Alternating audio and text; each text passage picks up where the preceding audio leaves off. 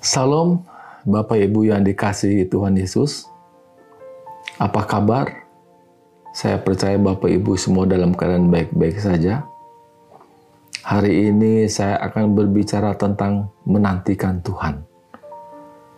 Orang Kristen yang lahir baru mempunyai dua kehidupan, yaitu kehidupan yang digerakkan atau dimotivasi oleh keinginan daging, dan kehidupan yang digerakkan atau dimotivasi oleh keinginan roh. Seringkali kita susah membedakan mana keinginan daging dan mana keinginan roh. Izinkan saya membagikan satu firman Tuhan yang pernah saya pelajari di dalam Alkitab untuk menjalankan kehidupan ini dan untuk pertumbuhan di dalam Kristus, yaitu menantikan Tuhan. Yesaya 40 ayat 31 berkata, Tetapi orang-orang yang menantikan Tuhan mendapat kekuatan baru. Mereka seumpama Raja Wali yang naik terbang dengan kekuatan sayapnya. Mereka berlari dan tidak menjadi lesu, mereka berjalan dan tidak menjadi lelah. Di dunia kita saat ini yang serba cepat, ketika semua diukur dengan waktu, momen, uang, daftar, proyek atau pekerjaan untuk diselesaikan – sangatlah penting kita sebagai orang Kristen untuk mengerti bahwa daging kita mengingini untuk pergi sepanjang waktu, mengejar jadwal pekerjaan, dan menjalankan kesibukan kita. Dan ini membuat hidup kita menjadi agresif. Seringkali semua hal itu tidak membuahkan hasil dan membuat hidup kita menjadi lelah secara fisik maupun mental.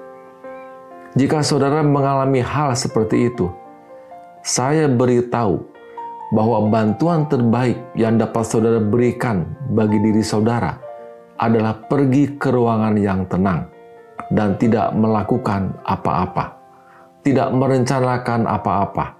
Jangan meminta apa pun kepada Tuhan. Jangan membaca apa-apa. Masuk ke dalam ruangan dan berkata kepada Tuhan, "Tuhan, ini aku. Jangan berpikir terlalu banyak atau kadang-kadang mengutip tulisan atau ayat Alkitab begitu banyak sehingga kita kehilangan maknanya. Nantikan Tuhan. Berdoa dan pujilah Dia. Ini akan membuat kekuatan kita diperbaharui. Jika saudara merasa lelah dan kosong secara rohani, firman Tuhan ini untuk saudara sekarang. Nantikanlah Tuhan. Ketika saudara ada di dalam hadiratnya, saudara sedang hidup dalam kekuatan roh kudus. Dan Tuhan akan berbicara kepada saudara. Tuhan tidak akan berbicara kepada saudara saat saudara sedang dalam pelarian dan sibuk dengan diri sendiri. Jika saudara memperhatikan dalam Alkitab, Yesus tidak pernah terburu-buru. Ke mana pun Yesus pergi, dia tidak pernah lari atau terburu-buru. Karena dia sepenuhnya mempercayai kehendak Bapaknya. Yesus tahu bahwa ketika dia sampai di suatu tempat, itu adalah kehendak Bapaknya.